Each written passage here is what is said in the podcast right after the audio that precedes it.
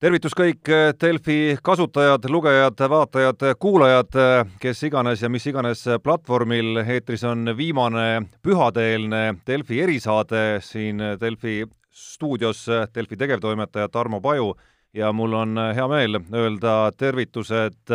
telefoniliine pidi sotsiaalministrile Tanel Kiigele, tervitus! ja tervist! Äh, jutuaine üle loomulikult äh, väga pikalt mõistatama ei pea, täna hommikul äh, teatas siis valitsus uutest piirangutest selleks, et et saada koroonaviiruse levikule natukene rohkem pidureid peale ja ja kui need uuemad piirangud kuidagimoodi lühidalt kokku võtta, siis sisuliselt samad, samad reeglid ja samad piirangud, mis Ida-Virumaal juba mõnda aega on kehtinud, laienesid nüüd siis ka Harjumaale, ehk siis äh, meelelahutusasutused, muuhulgas äh, söögikohad, äh, lähevad esmaspäevast kinni ja mõned, mõned täiendavad lisareeglid sinna veel. ma küsin natukene alustuseks võib-olla sellise olemuslikuma küsimuse, et olles, olles nüüd olnud eesrindel kogu selles väga keerulises olukorras kuid ja kuid ja kuid, et kui nüüd äh, neil päevil äh, viimasel ajal, olgu siis õhtul magama minnes või, või hommikul ärgates äh, mõtted ikka ja jälle sellesama koroonaviiruse ja olukorra peale lähevad, siis mis see valdav tunne hetkel on viimastel päevadel, et et kas see, et ai-ai, me oleme ikka midagi maha maganud ja ja, ja kuidagi jookseme sellel olukorral sabas või, või vastupidi, et et kõik on suhteliselt plaanipärane ja loogiline, numbrid liiguvad ka loogiliselt ja sammud vastavalt sellele on ka loogilised? Noh, oleme ausad, eks on ju mõlemat sorti arvamusi, mõtteid, küsimusi põhiosas ma ütleksin, et Eestil on see olukord äh, jätkuvalt äh, olnud hästi lahendatud, ehk me ei ole lasknud seda viirust nii-öelda laustõusu, hoidnud selle nakatumiskordaja madalal, mida me ei ole suutnud, me ei ole suutnud nakatumist langusesse viia. ja eks see viimane on ka põhjus, miks me nüüd tõesti need täiendavad meetmed eile põhimõtteliselt kuusteist tundi kestnud kabineti nõupidamiste järel äh, heaks kiitsime ja täna hommikul avalikustasime et äh, Harjumaa on nelikümmend protsenti Eesti rahvastikust ja kui seal on kiires kasvutrendis viirus, siis tegelikult see on ohuks kogu Eesti tervishoiusüsteemile, Eesti ühiskonna toimimisele. me oleme näinud väga lähedalt ja, ja ka kaugemate riikide näitel, kui halvaks võib olukord minna, kui viiruse levikut pidama ei saada. Arvan, et äh, need piirangute kehtestamised olid ainuõiged äh, ja mõistlikud otsused hetkel, et järgmise kolme nädala jooksul anda selge löök nii-öelda viiruse levikule ja saada see eh, negatiivne trend eh, viimaks langusesse. Äh, kui neid erinevaid numbreid vaadata, mis meil igapäevaselt ju läbi käivad, olgu siis need äh, uued nakatumisjuhtumid, olgu need äh, haiglas olevate patsientide arvud või, või olgu need teadlaste nii-öelda mudelprognoosid, et, et kui trend jätkub nii, siis, siis jõuavad numbrid selleks ajaks sinna või või, või see teine number kuhugi teise kohta, et millised nendest äh, numbritest äh, tunduvad hetkel nii-öelda kõige kriitilisemad või, või, või mida kõige murelikuma pilguga tuleb vaadata? noh, tegelikult nad ju laias laastus äh, tähendavad samu probleeme. ehk tänane nakatunute number väljendub mõnenädalase viitega haiglaravi vajavate inimeste arvus siin loomulikult sõltub sellest, kas nakatunud pigem on eakamad inimesed, kas on näiteks hooldekodukolle, mille puhul on veel kõrgendatud risk ja tõenäosus, et inimesed haiglaravi vajavad ja paratamatult needsamad numbrid hiljem kajastuvad ka surmajuhtumites, rasketes tervisekahjudes ja muudes traagilistes olukordades.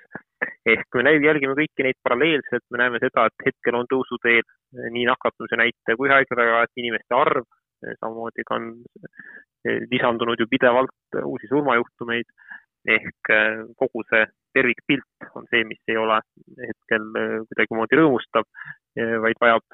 täiendavat sekkumist valitsuse tasandil. see oli teadusnõukoja konsensus, see oli Terviseameti, Sotsiaalministeeriumi seisukoht ja Vabariigi Valitsuse positsioon, mille, milleni eile õhtuks jõudsime. kas kuskil on äh, mõne numbri puhul ikkagi nagu väga selge punane joon, et, et kui me, kui on näha, et et sealt läheb näiteks haigla patsientide number üle, et noh, siis, siis, siis ei ole enam muud varianti, kui, kui ikkagi sama olukord, mis kevadel üle riigi? noh, tegelikult me oleme varem välja öelnud, et me tahame hoida nii-öelda võimalikult palju plaanilist ravi avatuna plaanilist ravi Eesti Vabariigis, üldse erinevaid tervishoiuteenuseid saab iga aasta üle miljoni inimese, saades nende mastaapidest aru, et, et me ei räägi siin ainult Covid-19 patsientidest, vaid me räägime tervishoiuteenuste kättesaadavusest sellisest Eesti elanikele. ja seda me suudame seniks, kuni meil on äh, haiglaravil suurusjärgus kolmsada, nelisada patsienti. täna me näeme, et see number läheneb juba neljasajale, pole mingit kahtlust, et ta tõuseb üle neljasaja, vaadates kõiki prognoose, vaadates tänaseid viimaste nädalate nakatumise näitajaid aga nüüd on küsimus selles, kas ta jätkab tõusu juba viiesajani, kuuesajani, kas see tähendab seda, et meil tuleb see plaaniravi praktiliselt ära lõpetada haiglates, kuna lihtsalt pole piisavalt äh, voodikohti, pole piisavalt personali, äh, pole piisavalt ähm, ressurssi, et paralleelselt tegeleda äh, kõigi erinevate tervisemuredega inimestega. Või me saame selle haiglaravi vajavate inimeste arvu pidama. ma ütleksin, kui me saame ta pidama viiesaja all ehk nelja-viiesaja vahel, siis me oleme õnnestunud siis see annab meile võimaluse jätkata vähemasti põhiosas plaanilise ravi osutamist, jätkata kindlasti erakorralise ravi pakkumist ehk vältida selliseid olukordi, nagu oleme näinud äh, pea kogu Euroopas ja samamoodi olime ka tegelikult ju kevadel sunnitud plaanilist ravi piirama, toona tulenevalt isikukaitsevahendite nappusest ja tulenevalt ka teadmatusest selle viiruse ees. täna need küsimused, mis kevadel meie ees olid, on lahendatud, isikukaitsevahendeid jagub, teadmisi on palju rohkem, ravivõimalused, läbimõeldus, haiglate valmisolek on märksa kõrgem, aga loomulikult äh, ka siin tuleb piir ette, kui keva, kevadine lagi ehk tipphetk oli sada viiskümmend seitse Covid-19 patsienti, täna me räägime ligi neljasajast juba olemasolevast patsiendist, mille number veel tõuseb, ehk ei ole mõeldav, et me seda arvu laseme kaua tõusta ilma väga laiaulatuslike piiranguteta ühiskonnas no selle eeldus, et see number üle viiesaja ei lähe, mis te välja tõite, on ilmselgelt see, et et see, mis lähipäevadel ja lähinädalatel hakkab toimuma meie ümber ja meiega, eelkõige siis alates esmaspäevast koos nende uute piirangutega, pluss siis pühadeaegne ja aastavahetuse aegne inimeste käitumine, et et, et see kõik töötab ja, ja need numbrid hakkavad, mingisugust nakatumisnumbrid hakkavad ikka mingil moel äh, mitte enam kasvama sellisel moel nagu praegu? absoluutselt, kõige suurem murekoht oli tõesti põhjaregioon ehk eeskätt siis Harjumaa. toon mõned konkreetsed numbrid, et, et pilti, piltlikustada seda. kui neljakümne üheksandal nädalal oli Harjumaal põhjaregioonis, põhjaregioonis tervikuna siis eh, nakatunuid tuhat nelisada viiskümmend seitse, see on järgnenud nädalal ehk viiekümnendal nädalal tuhat seitsesada üheksakümmend üks siis viimasel nädalal ehk eelmisel nädalal oli see arv juba kaks tuhat kakssada kaheksakümmend üks. ehk eh, see number on eh, paari nädalaga eh, tõusnud siis tuhande neljasaja viiekümne seitsmelt kahe tuhande kahesaja kaheksakümne üheni ehk kaheksasaja inimese võrra või kes tahab siis matemaatiliselt võib öelda, et enam kui viiekümne protsendi võrra on lisandunud nakatunuid. Ehk sellise kasvukiiruse juures on ainult aja küsimus, millal on Tallinna haiglad juba Covid-19 patsientidega ülerahvastatud, millal tekib vajadus, mida on ka praegu juba tehtud, ehk äh, haiget hospitaliseerida teistesse üldhaiglatesse. Ja loomulikult äh, Harjumaa suurust ja inimeste tihedat liikumist, on tööalane ränne, õpialane ränne, perekondlik liikumine, kõike seda arvesse võttes on Harjumaa tõusutrendil väga selge mõju kogu ülejäänud Eestile. nii et see on see peamine koht, mida me hetkel jälgime, numbrid tuleb kõigepealt saada stabiilseks, nädala-kahega ja siis loodetavasti juba ütleme kolmandal nädalal, kui piirangud kehtivad, langustrendi. ja see, kas see õnnestub, loomulikult ei ole ainult valitsuse piirangute kätes, vaid see on kõigi meie enda valikutes kinni, ehk kuidas me veedame pühade perioodi, kuidas me jälgime nii kohustuslikke, aga ka soovituslikke suuniseid, tervemõistuslikke käitumissoovitusi. tõepoolest, need pühad on ühe pere jõulud ja ei ole hetkel õige minna aastavahetusel kuskile mingit seltskondlikele üritustele, rahvarohketesse kohtadesse tuleb veeta võimalikult palju aega oma pereringis, värskes õhus, väljas liikudes, metsal jalutades, andes sellega iga ärajäänud kontaktiga oma panuse eh, viiruse leviku tõkestamisse ja sellesse, et järgmine aasta tuleks positiivsem. meil paistab tunneli lõpus valgus, nagu öeldakse, meil on alus, tulemas esimesed vaktsiinitarned pühade jooksul, aga kõik see võtab aega, tervishoiutöötajate, hooldekodu elanike vaktsineerimine, eh, kui me saame tarneid umbes kümme tuhat nädalas praeguse jaotuskava järgi, siis see tähendab seda, et vaktsineerimisprotsess puhtalt juba kõige kõrgemas riskirühmas ehk tervishoid ja sotsiaalhoolekanne võtab vähemalt paar kuud, kuna iga inimene vajab kaks doosi, mille vahel peab jääma kolm nädalat kuni kuu aega. Ehk me ei saa ennast lasta sellest uinutada, vaktsiinid on tulemas, et olukord kohe rahem kahuneb, ennekõike tuleb meil saada viiruse levik ise pidama, tõkestada see ning vaktsineerimine annab meile järk-järgult võimaluse hakata neid piiranguid leevendama, kui me saame ära kaitstud haiglad, terviseasutused, ära kaitstud hooldekodu elanikud, töötajad, järk-järgult hakata kaitsma meie riskirühmasid ehk eakamaid inimesi, kroonilisi haigeid, kevade jooksul jõuda laiemalt Eesti elanikele tasuta vaktsineerimise võimaluse pakkumiseni. Neid piiranguid, millest äh, täna hommikul juttu oli, äh, nagu te mainisite ja nagu peaminister Jüri Ratas mainis ka pressikonverentsil, äh, arutasite te üheskoos kuusteist tundi. see, see on päris suur number ausalt öeldes, et, et kuidas ja miks nii kaua? No neid nurki ja detaile on väga palju, ehk alati on lihtne öelda, et paneme selle või teise koha kinni, sektori kinni. nüüd tuleb mõelda selle peale, kus on rohkem, kõrgem nakkusrisk, millised on need peamised piirkonnad, mis meetmed vajaksid. otsustasime Harjumaa, Ida-Virumaa kasuks, jätsime hetkel ülejäänud Eestile täiendavad laiaulatuslikud piirangud kehtestamata. Eh, arutasime eraldi põhjalikult ka haridusvaldkonna küsimusi, loomulikult ka kompensatsioonimehhanisme, suhtlesin õhtu jooksul näiteks ka Töötukassa juhiga Töötukassa nõukogu esimehega Epp Petersoniga neil teemadel. Omakorda mitmed koalitsioonierakonnad vajasid vahepeal konsultatsioone enda erakonna teiste liikmetega, Riigikogu liikmetega, tervise, vabandust, peaministri palvel osales ju kabineti nõupidamise nii-öelda teises voorus ka Covid-19 teadusnõukoda täies koosseisus, kes osaleda said, mitte ainult professor Lutsar juhina, vaid ka professor Merits oli seal kohal, professor Pisser ja uue liikmena Ander Uusberg ehk kuulasime ka nende mõtteid, tähelepanekuid. Covid-19 tõrje pole kunagi olnud kerge, seda näitab ju kõigi riikide kogemus sisuliselt. ehk Norra, Soome, Island ja mõned üksikud riigid on suutnud hoida viiruse levikut Eestist madalama, teistes Euroopa riikidest on olnud ju traditsiooniliselt kõrgem nii nakatuse näitajad, surmade arvudelt elaniku kohta. Ja see näitabki seda, et ka väga kõrgelt arenenud riigid, aga suure ressursi ja tervisevõimekusega riigid on sellega viiruse tõrjega raskustes,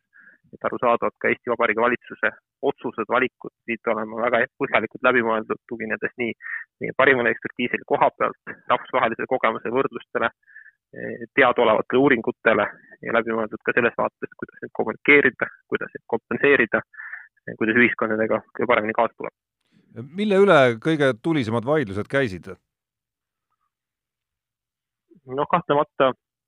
omajagu kõneainet pakkus see põhimõtteline lähenemine, kas me räägime Harjumaast, Ida-Virumaast või me räägime kogu Eestist. teine koht oli tõesti haridusvaldkond, kus on küsimus selles, et milliseid otsuseid saame täna langetada, mille puhul tuleb oodata veel, ehk anda täpsem info siis koolilastele, nende vanematele. praegu otsustasime ära, et esimene kuni neljas klass saavad asuda juba praegu uuest aastast nii-öelda kontaktõppele, ülejäänute puhul kehtib veel distantsõpe kuni kümnenda jaanuarini, erandiks on siin haridusliku erivajadusega noored ja teatud kontseptsioonid. üheteistkümnendast jaanuarist alates eh, edasi nende koolikorraldus saab paika nüüd lähinädalatel, haridus- ja teadusminister toob oma konkreetsed ettepanekud, mis ta on läbi rääkinud Terviseametiga, Teadusnõukojaga valitsusele uuel nädalal ja võib-olla veel järgmiseks on vaja detaile kokku leppida. Ehk siin on väga palju selliseid korralduslikke küsimusi, eh, väga palju infot, mida me veel täna tegelikult ei tea ehk veel on võimatu öelda lõplikult, mis oli Ida-Virumaa piirangute mõju, efektiivsus, kuna need ei ole küllalt kaua veel kestnud. täpselt niisamuti, mis saab olema pühade mõju olukorras, kus pühade periood on alles ees. ehk selles vaates me langetame otsuseid tänase info pinnalt, aga tulevikku eh, puudutavalt kui kirglik on selline kuueteistkümnetunnine noh, ikkagi väga suuri teemasid ja, ja väga olulisi teemasid, isegi ajalooliselt suuri teemasid puudutav arutelu ja, ja nii paljude osapooltega ka veel, alates koalitsiooni erinevatest osapooltest kuni siis erinevate teadlaste esindajateni, et kas, kas seal joonistuvad samamoodi välja mingisugused poolused nagu ühiskonnas tervikuna, et et nii need, kes pigem eelistavad karmimat lähenemist ja, ja karmimaid piiranguid, kui ka siis need, kes, kes tahaks neid viimase hetkeni vältida? ma ütleksin, et kirglik ta ei olnud. ta oli väga asjalik, ta oli tõsine, ehk et loomulikult oli vaja vaadata, nagu viitasin siin, Eh, iga meetme puhul selle mõju, eh, selle paratamatult ühiskondlikku reaktsiooni, tuli vaadata konstitutsiooni küsimusi. Lõpuks me kehtestasime suhteliselt laiaulatusliku paketi just seetõttu, et ei soovi anda sellist poolikut lahendust, et näiteks, et me saame selle nakatumisnäitaja, mis eelmine nädal kasvas, haigestunute arv, võrreldes üle-eelmise nädalaga Eestis seitseteist protsenti, et me saame selle kasvukiiruse, ma ei tea, viie protsendi peale, kuue peale, see ju ei lahenda olukorda, see tähendab, et jätkuvalt lisandub haiglaravi, vaevad inimesi, tähendab, et kasvab potentsiaalselt nakkusohtlike inimeste osakaal ühiskonnas. et meie eesmärk oli siiski saada see nakatumiskordaja alla üks nulli ehk alla, alla ühe. Seda küsisime ka teadlastelt, et mis nende hinnangud on erinevate teadusnõu liikmetelt, et kui realistlik see nüüd on nende meetmetega ja, ja selle alusel ka valitsus need otsused langetas. ma ütleks, et eile seal keegi nüüd oluliselt karmimaid piiranguid nõudis, pigem oli tõesti laual see küsimus, et kas minna üle Eesti, oli laual küsimus, kuidas eh, toimida kaubanduskeskustega, praeguse seisuga jätsime need lahti, ma isiklikult ka seda positsiooni toetasin, sellisel põhjusel, et siseruumides eh, maski kandes, hajutatult liikudes, üksteisega mitte lähedalt nii-öelda suheldes on see nakatumisrisk oluliselt väiksem kui näiteks restoranis ühes lauas istudes või mõnes meelelahutusürituses, meelelahutusasutuses eh, nii-öelda lähikontaktis olles pikalt.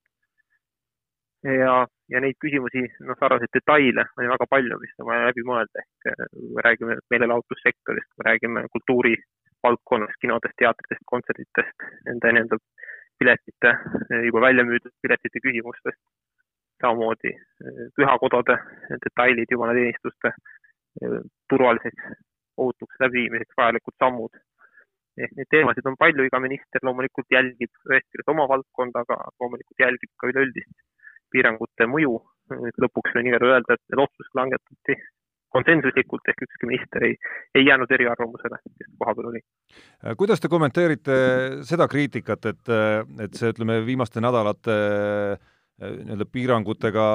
laveerimine ja otsused nende kohta, et, et need ei ole ikkagi nagu väga arusaadavad, põhjendatud ja loogilised olnud, et olgu see kirikute teema, et, et miks kirikud näiteks lahti püsivad või, või seesama koolide otsus äh, mõned nädalad tagasi, kus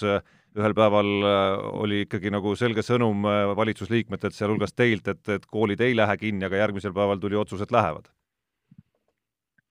jah, ma saan absoluutselt aru, et kriisi ajal otsuste langetamine alati tekitab äh, ka vastasseisu ja, ja kriitikat. haridusvaldkonnas ongi need valikud eriti keerulised, nad puudutab väga suurt hulka inimestest. mina väljendasin oma seisukohti selles vaates, et tuleb läbi mõelda, et, et lastel ei tekiks muid alternatiivseid nii-öelda koosveetmise kohti ja, ja, ja tegevusi, mis tegelikult nakkusohtu äh, jätkuvalt üleval hoiavad. selles valguses oligi oluline, et me sulgesime ajutiselt äh, siis just Harjumaa, Ida-Virumaal nii haridusvaldkonna tegevused kui ka huvitegevuse valdkonnad ja ka mujal Eestis,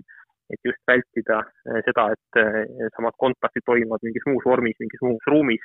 ja õhtu lõpuks me oma efekti ei saavuta. ehk need detailid tuli läbi mõelda. loomulikult kellegi esimene eelistus polnud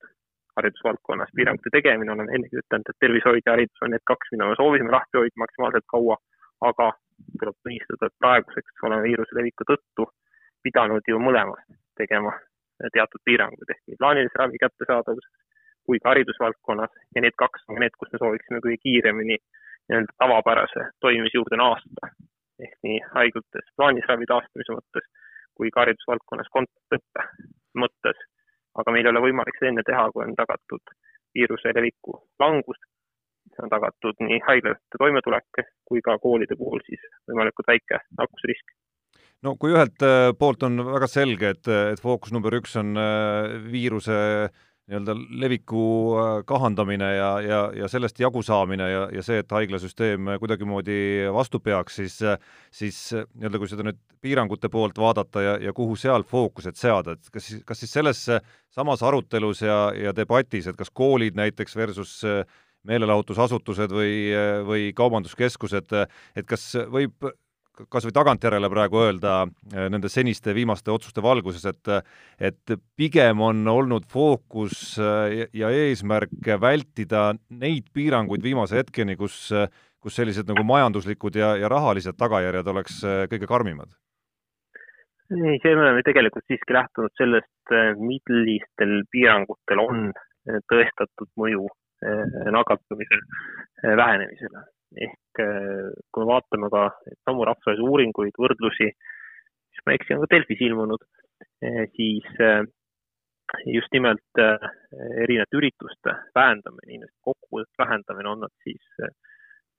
restoranid, on nad siis sünnipäevapeod, muud taolised kogunemised, on üks suurema efektiga. teine selgelt suurt tulemust andev ongi tegelikult koolide, ülikoolide piiramine kontaktõppe piiramine, eks ta eeskätt seetõttu, et ta mõjutab väga suurt osa ühiskonnast, et ta vähendab väga paljude inimeste kokkupuuteid, kes omakorda lähevad siis laiali erinevatesse perekondadesse, erinevatesse kodudesse ja paratamatult siis aitavad tahtmatult levitada. ehk need on need kohad, mida me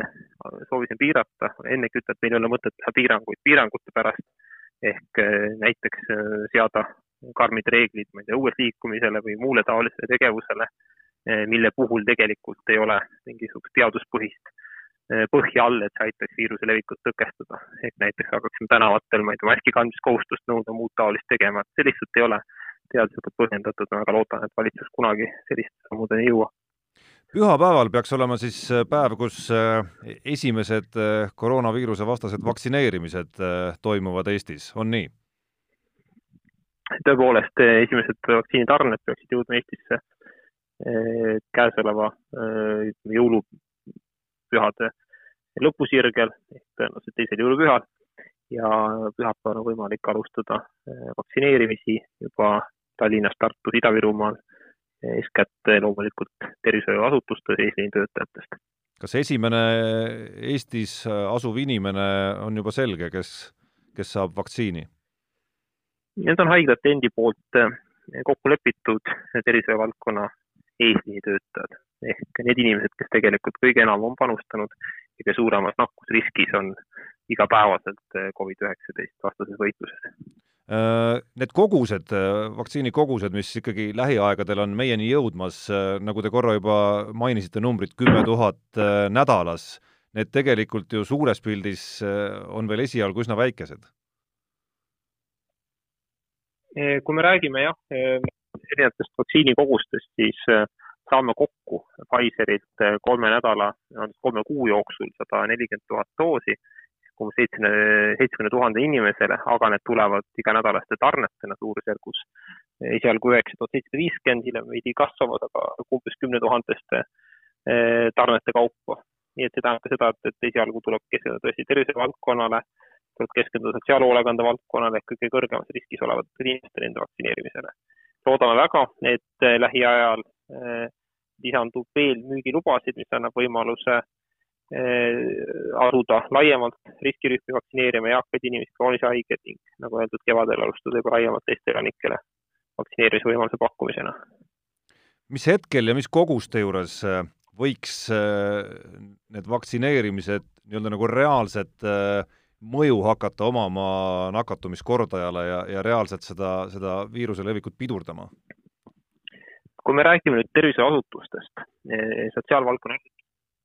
seal eeskätt on mõju eh, ju eh, viiruse just nimelt võib-olla kahjude vähendamise mõttes ehk et inimeste nakatumine, haiglaravile sattumine, haiglates endis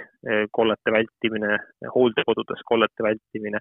ehk kui isegi R0-ile need esimesed riskirühmad niisugust mõju avaldavad, avaldavad selget mõju haiglate toimimisele, avaldavad selget mõju tõsisematele haigestumistele, surmajuhtumitele. sealt edasi, kui me räägime juba eh, laiemalt riskirühmadest, eakamatest inimestest, erinevatest haigetest, siis siin on sarnane efekt ehk eh, mastaabid lähevad suuremaks, hulk läheb suuremaks, aga ka siin on peamine mõju just see, et, et ei haigestuks need inimesed, kes seda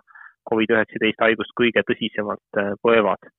kui me räägime laiemalt elanikkonna vaktsineerimisest, siis sellel loomulikult on juba selge mõju eh, kõikvõimalikule eh, viiruse eh, ütleme siis laiema ühiskondliku leviku tõkestamisele.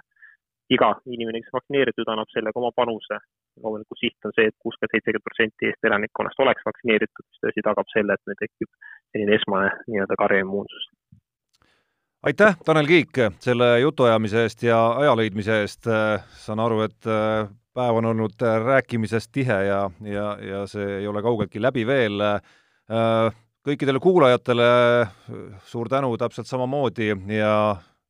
soovime häid pühadeaegu, tervet olemist ja kõike paremat nii kuulajatele kui taas kord teisele poole liini minister Tanel Kiigele. ja suur tänu ka minu poolt ja ilusat tervet hoiame ennast ja oma lähedasi eeskätt veedame need pühad väikses pereringis, aga loomulikult helistame, kirjutame oma sõpradele, sugulastele, lähedastele. aitäh! aitäh veel kord ja uute kohtumisteni! kõike paremat, head aega!